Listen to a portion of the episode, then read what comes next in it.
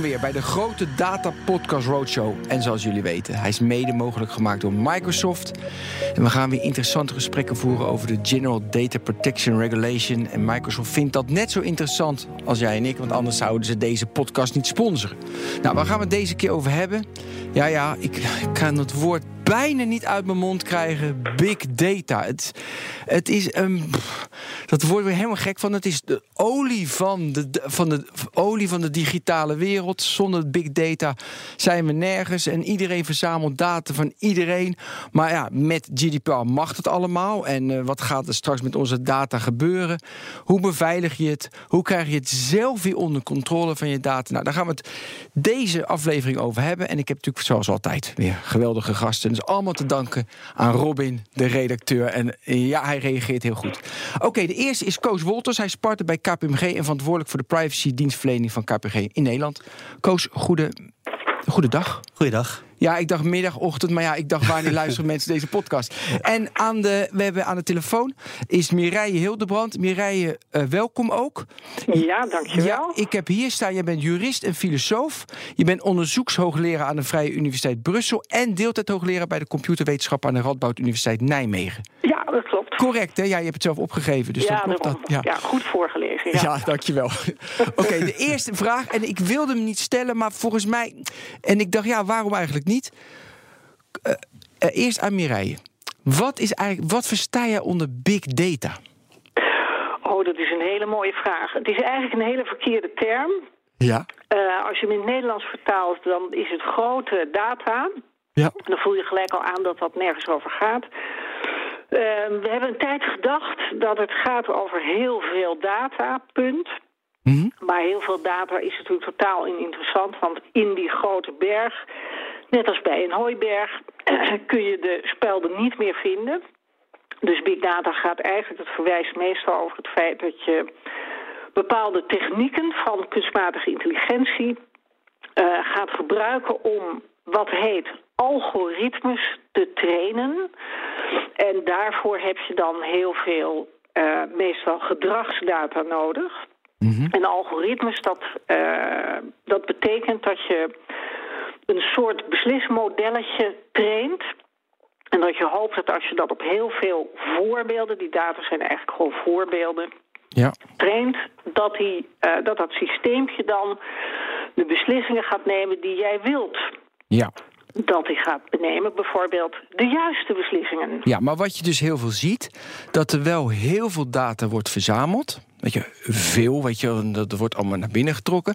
En inderdaad, dan komt er, dan moet je weten wat je uiteindelijk uit wil halen. En daar zit dan het algoritme zeg maar tussen. Dus we hebben heel veel data. Dan hebben we, dan hebben we een algoritme.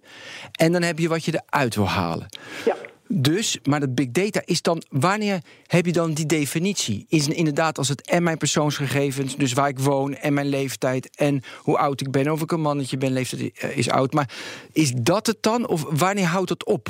En wanneer heb je, spreek je er wel over? Je spreekt dus over als je pas over het algoritme, als je het toepast. Ja, kijk, mensen spreken daar op allerlei verschillende manieren over. Ik denk dat je die term het beste weer weg kunt gooien.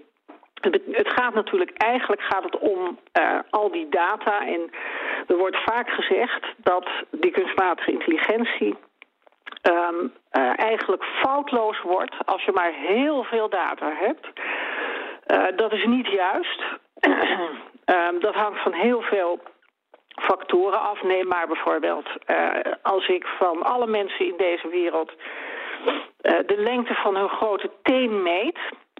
Ik ben even kwijt hoeveel ja? mensen er zijn op de wereld. Maar dat is zeker miljard. big data. Maar ja, ja daar, daar, hebben we niet zo heel veel aan. Nee. Uh, daar hebben we pas iets aan als het zou correleren met een bepaalde ziekte... of als je het samen met de lengte van je wijsvinger en een stukje DNA kunt correleren met ziekte. Dus uh, we moeten eigenlijk ervan af dat als je nou maar veel data hebt... en dan bedoel ik echt exponentieel data... Dus waarvoor je een heel datacenter moet bouwen. Dat je dan ineens de juiste beslissingen gaat nemen. Dus eigenlijk een hele gevaarlijke gedachte. Mensen denken ook vaak dat heel veel data niets kosten. omdat data geen dingen zijn, geen atomen. Ook dat is onzin. Data moet je ergens opslaan. Dat is een bepaalde... Beveiligen. Ja, je moet ze nog veilig opstaan ook, maar ook fysiek. Hè. Je moet die, die datacenter kosten heel veel elektriciteit. Dat moet allemaal gekoeld worden. Er zit ook heel veel hardware in. Nou, leg daar nog eens bovenop als het om persoonsgegevens gaat, om of bedrijfsgeheimen, dat kan natuurlijk ook, dan moet dat allemaal beveiligd worden. En we weten allemaal inmiddels uh, dat het niet vanzelf spreekt. Dat dat gewoon veel hoge kosten heeft en ook risico's meebrengt. Uh, Koos, wil jij nog iets aan toevoegen aan de definitie big data? Want ik zag je ook knikken. Ja, ik ben het eens uh, met, uh, met wat er werd gezegd. Kijk, wat, wat, waar die term vandaan komt, uh, dat heeft, heeft uiteindelijk te maken met dat het zoveel data is, dat je dat niet meer met een traditionele database management systeem uiteindelijk kan analyseren. Dus dat zijn hele andere manieren zeg maar, om die data bij elkaar te zetten en daar dan mm -hmm. inderdaad analysemethodes op, op los te laten.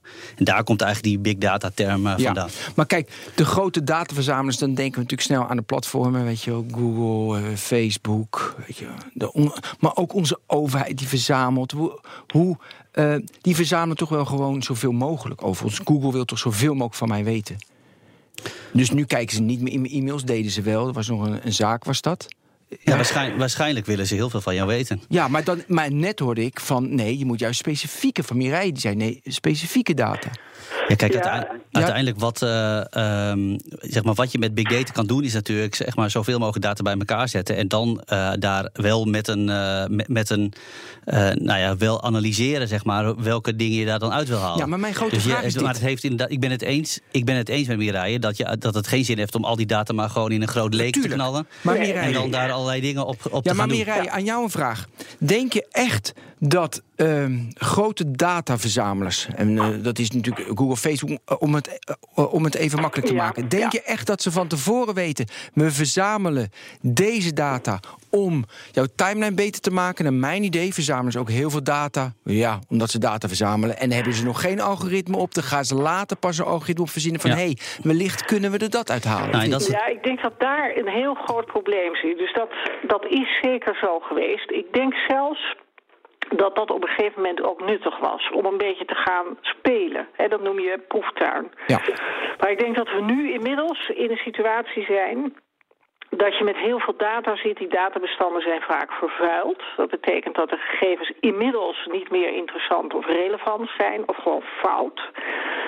Eh, het kost eigenlijk vaak meer geld om die, een gedeelte van die data eruit te trekken die je niet meer nodig hebt. Hè? Want dan moet je eerst gaan nadenken welke moet ik eruit halen. En dat is ook technisch niet altijd makkelijk. Dus we zitten nu eigenlijk in de tegenovergestelde situatie. De echt grote dataverzamelaars die zitten met het omgekeerde probleem. Die willen natuurlijk nog steeds eh, zoveel mogelijk relevante data verzamelen. Ja.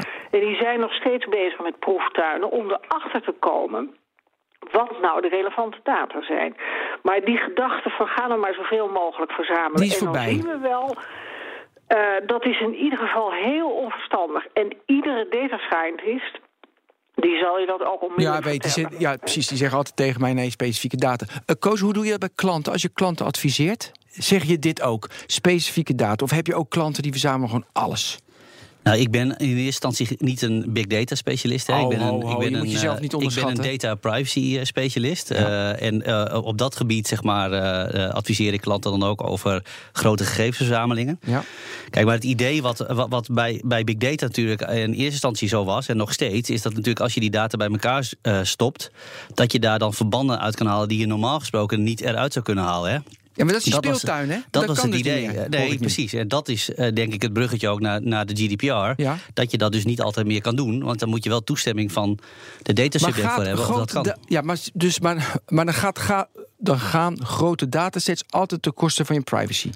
Nou, dat nee, hoeft- toch? Hoeft nee, niet dat als je het heel goed Dat opslaat. hoeft niet. Eh, Als, Als je, transparant is. nee, als je gewoon eh, heel duidelijk aan je, uiteindelijk aan, aan de data subject hebt gevraagd wat er met die data mag gebeuren. eh, als, dat, eh, als het heel duidelijk is dat dat uiteindelijk voor analyse doeleinden is.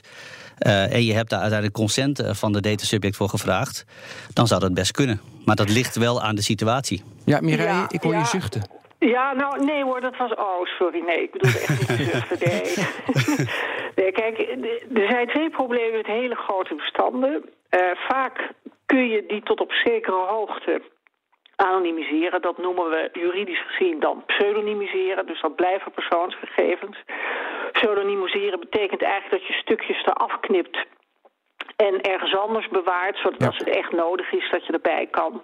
Eigenlijk is alle encryptie is juridisch gezien uh, pseudonymisering. Maar goed, hoe groter je database en hoe meer data bijvoorbeeld een uh, databroker, hè, dus een makelaar in dataverzameling, mm -hmm. zoals Experion en zo, hoe meer je ze bij elkaar legt, hoe makkelijker het wordt. Ook weer met die mathematische of die wiskundige technieken. Om uh, mensen weer te uh, depseudonymiseren, zal ik maar zeggen. Ja. Uh, dat is vervelend voor in, vanuit het GDPR gezien. Ja, maar Iets hoe anders gaat is ja, dat ja. als je dus heel veel data bij elkaar legt... en je stuurt daar een algoritme doorheen... ik zeg het maar even een beetje plastisch... Ja. dan is de opdracht aan dat algoritme vindt verbanden. En uh, tot, tot ieders grote verbazing zal dat algoritme dus ook verbanden vinden. Maar dat betekent helemaal niet dat die verbanden... Um, over de echte wereld gaan. En dat is het tweede probleem. Hoe groter je database, hoe meer, uh, ik zou bijna in de trant van fake news zeggen, hoe meer fake verbanden je gaat vinden. Mm -hmm. Dat is gewoon een wiskundig, uh, dat kan je wiskundig bewijzen. Je kan het nou toch beter trainen, dat algoritme? En wil je dat algoritme dan gaan trainen om zeker te weten dat die verbanden echt nuttig zijn, dat ze kloppen, ja. Ja, dan moet je allerlei andere onderzoek erbij gaan halen. Er is een heel interessant uh, artikeltje van uh, Duncan Watts. Dat is een onderzoeker van Microsoft. Gaan we in de, de, die gaan we in de show notes zetten. Duncan Watts. Even naar Duncan Watts, ja, ja. met uh, A-T-T-S. We zoeken hem op. En um, die heeft overigens de Science of Networks uitgevonden. Dus dat broodje aap verhaal dat wij allemaal via zes tussen personen met elkaar verbonden zijn. Onzin. Dat komt uit zijn uh, boek. Dat is inderdaad niet zo'n hard verhaal als veel mensen denken. Maar goed, het was wel een knap verhaal Heel toen hij het opschreef. Maar ga naar je punt, alsjeblieft. ja, die, die zegt van kijk, als je serieus dataonderzoek wil doen... dan zijn er twee soorten. Je kunt het exploratief doen, dat is de speeltuin. Wil je dat goed doen, dan moet je heel goed noteren... zodat andere mensen dat kunnen controleren... wat voor beslissingen je hebt genomen, wat voor data... wat voor algoritme, uh, hoe je dat gecontroleerd hebt, et cetera, et cetera. Um, maar dan heb je het alleen maar over statistische verbanden. Dat is natuurlijk leuk voor de marketing. Ja. Maar zelfs een marketeer wil op een gegeven moment wel weten... of we daar ook echt iets mee gaan verdienen. En dan moet je ander type onderzoek doen. Dat heet uh, confirmatory, dus bevestigend.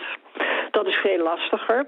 En eigenlijk is dat onderzoek fake als je niet van tevoren opschrijft... Wat je wil. Dit is de taak, dit Ja. is het doel, zo ga ik het meten. Ja. En eigenlijk moet je altijd op verschillende manieren meten. Dat heet de performance metric. En als je niet verschillende performance metrics gebruikt en niet verschillende datasets, ja, Ja. dan is het eigenlijk allemaal een verkooppraatje. Laat Ja. het even heel kort zeggen. En ik zou bedrijven die op grote databestanden zitten, die ze al hebben liggen, zeg maar. Hè? Die zou ik altijd aanraden om heel goed met echt hele goede data scientists aan de slag te gaan. Want ja, we hebben het hier over geld. Dus je betaalt iemand om de zogenaamde toegevoegde waarde Ja. uit jouw data te halen. Maar ja, de verleiding voor die data scientist is natuurlijk heel groot om jou een dikke rekening Klopt. te geven en te zeggen: kijk eens wat een mooie verbanden. Ja. Oké, Als dat niet te controleren is, dan is, wauw. dan is het lastig. We gaan even terug naar Koos en GDPR. Koos, kijk, het gaat erom met GDPR dat je meer zeggenschap, eh, zeggenschap hebt en controle over je eigen data. Ja. Hoe zorgen bedrijven en overheden ervoor dat straks, weet je, dat precies ik weet wat er over mij wordt verteld, dat ik dat weet? Want als ik bij over bedrijven geen idee wat de overheid over mij heeft. Nou ja, waar, waar, Wat adviseer jij ze? Waar organisaties nu natuurlijk mee bezig zijn, is uh, uiteindelijk dat allemaal te structureren. Hè? En dat is ook waar wij uh, organisaties uh, op dat gebied adviseren. Om van ja, je moet. Er is heel veel data binnen al die organisaties. Niet eens in big data lakes enzovoort, maar gewoon in, in databases. en heel veel organisaties weten eigenlijk helemaal niet welke data ze nou van welke personen hebben. Uh, en dat is nou juist wat ze wel voor de GDPR zouden uh, moeten, moeten, weten. Ja. Dus als jij straks na 25 mei wil weten. gewoon overheid, even gewoon. Welke data ja. zeg maar, de Rijksoverheid van jou heeft, nou, dan, dan kun je dat op gaan vragen. Nou, er zijn nu mensen heel hard bezig om uit te zoeken welke data ze allemaal van jou hebben. Dan gaan ze toch nooit lukken? nou, dat ligt eraan wanneer ze zijn begonnen. Ja. maar wat is jouw dus, ervaring? kijk, en nou, er, zijn genoeg bedrijven die op, op 1 januari op de kalender hebben gekeken en, uh, en gedacht: uh, Goh, wat staat er voor 2018 ook alweer op de agenda? Oh ja, de GDPR. Uh, nou, en die gaan het zeker niet redden. Hè. Kijk, voor de Rijksoverheid weet, en voor de, voor de gemeentes en dergelijke weet ik dat, weet ik dat niet exact. Maar, maar, het is gewoon een hele grote klus om uit te zoeken van welke data. oude heb databases. Je, en hoe is die data gekoppeld? En, hoe, en, en kijk, en op het moment dat je weet waar die data is, dan wil, wil nog niet zeggen dat je ook weet waar die data allemaal in je organisatie heen gaat. Hè. Dus de dataflows moet je bijvoorbeeld ook in kaart brengen. Dus je moet weten waar die data heen gaat. En dan hebben we het alleen nog maar over de, over de organisatie. En in dit geval dan uh, de overheid zelf.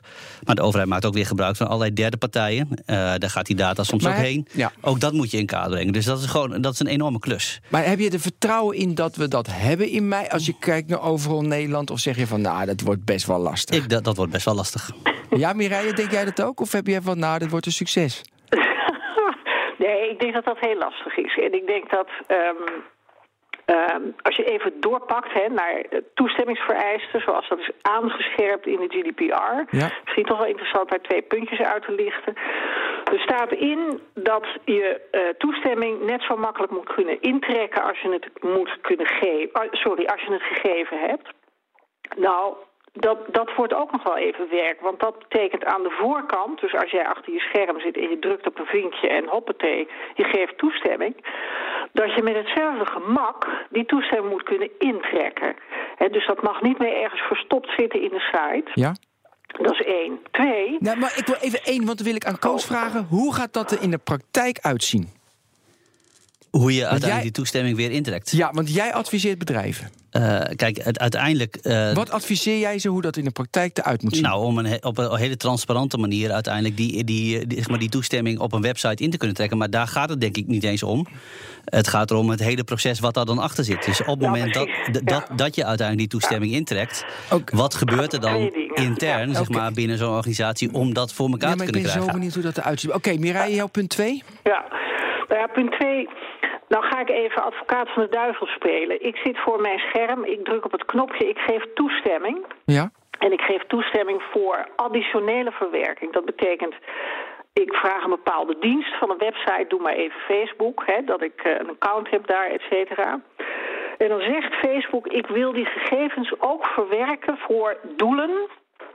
Uh, die anders zijn dan het verlenen van die dienst. Nou, de GDPR zegt... Mag niet.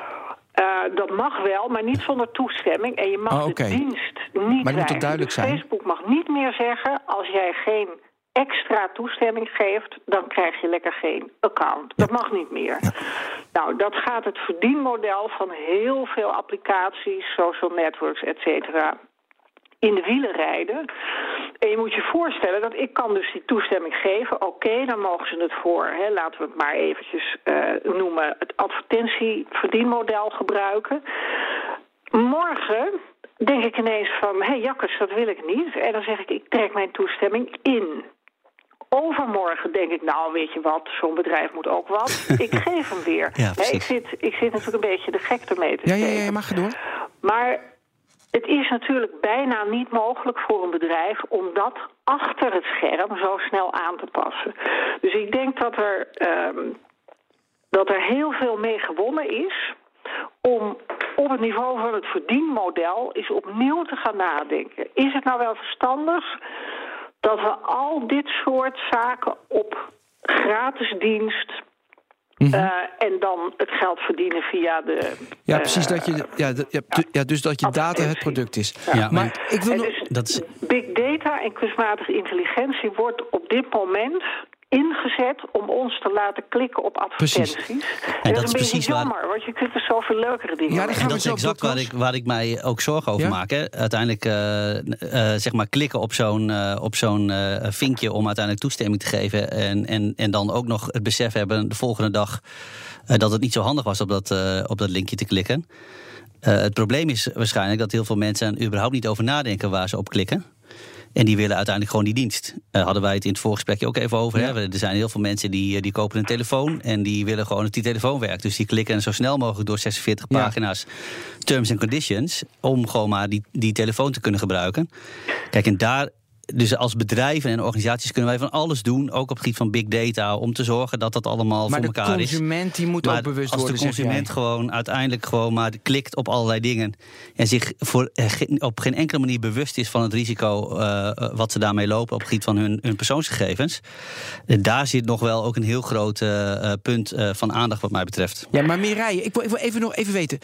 Ik wil, ik wil het zeker weten.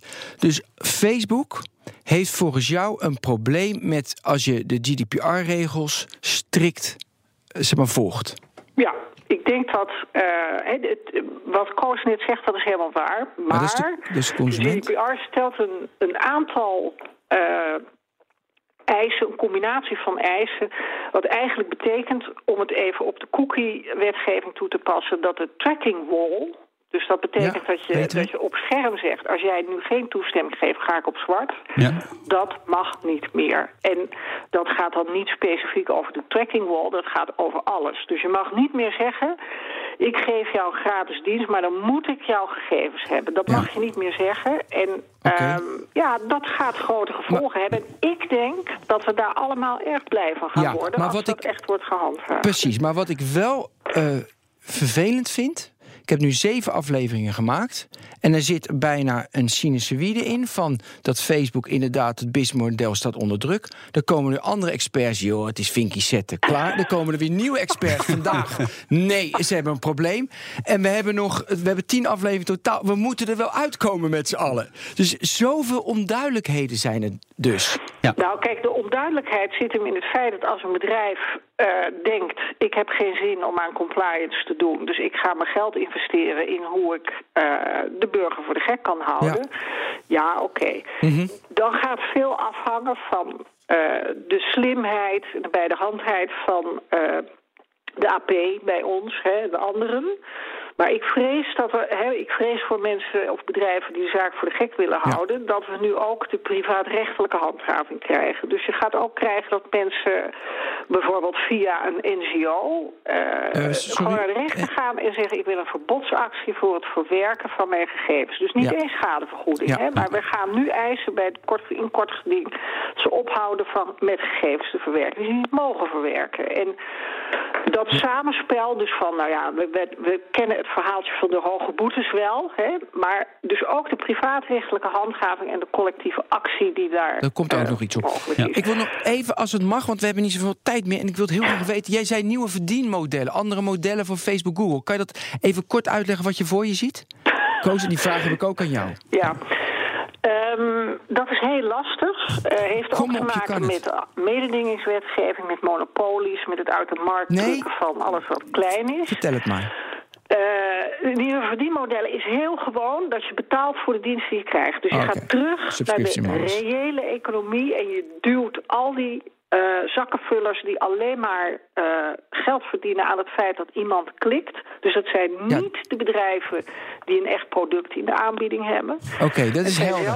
Oké, okay, publishers. Hè? Ja, nou, ja, eens. Uh, dus dat, ja, voor sommige van zulke dus bedrijven wordt dat, dus, wordt dat heel lastig. De totale advertentiekoek, weet je, is, wordt dus, dus met ja. advertenties nou, op internet geld wordt het nog lastiger. Zeker, wel als, maar dan moeten we wel met elkaar heel, als consumenten allemaal heel goed opletten op welke linkjes we uiteindelijk uiteindelijk wel of niet klikken.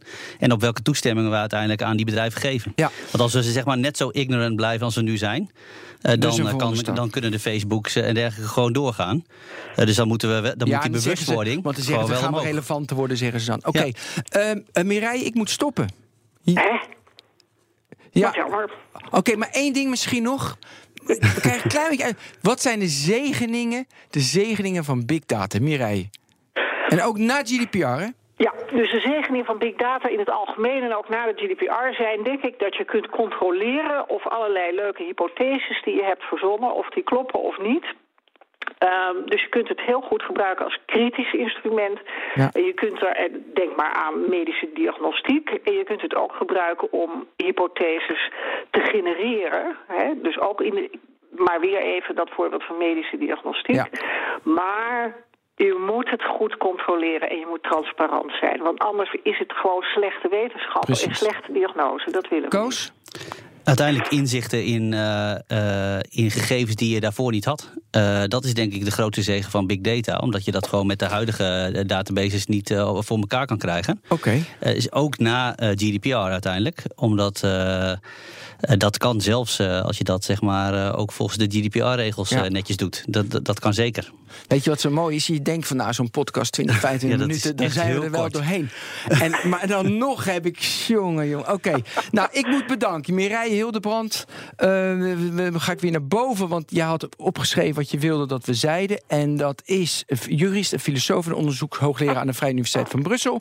En deelt het hoogleraar bij de computerwetenschappen aan de Radboud Universiteit. En ik bedank ook Koos Wolters, partner bij KPMG en verantwoordelijk voor de privacy privacy-dienstverlening van KPMG in Nederland. Nou, deze aflevering zat er ook. Ik hoop dat jullie ervan van genoten hebben van over big data, van de grote datapot, alles groot is het. Ehm, blijf het volgen hè, over privacy. Blijf het volgen. De volgende podcast. Luister ook de podcast weer terug. Het mooie is, elke week is er een nieuwe. En eh, zorg goed voor jezelf en natuurlijk ook voor je data. Mireille en Koos, bedankt. Graag gedaan. Graag gedaan.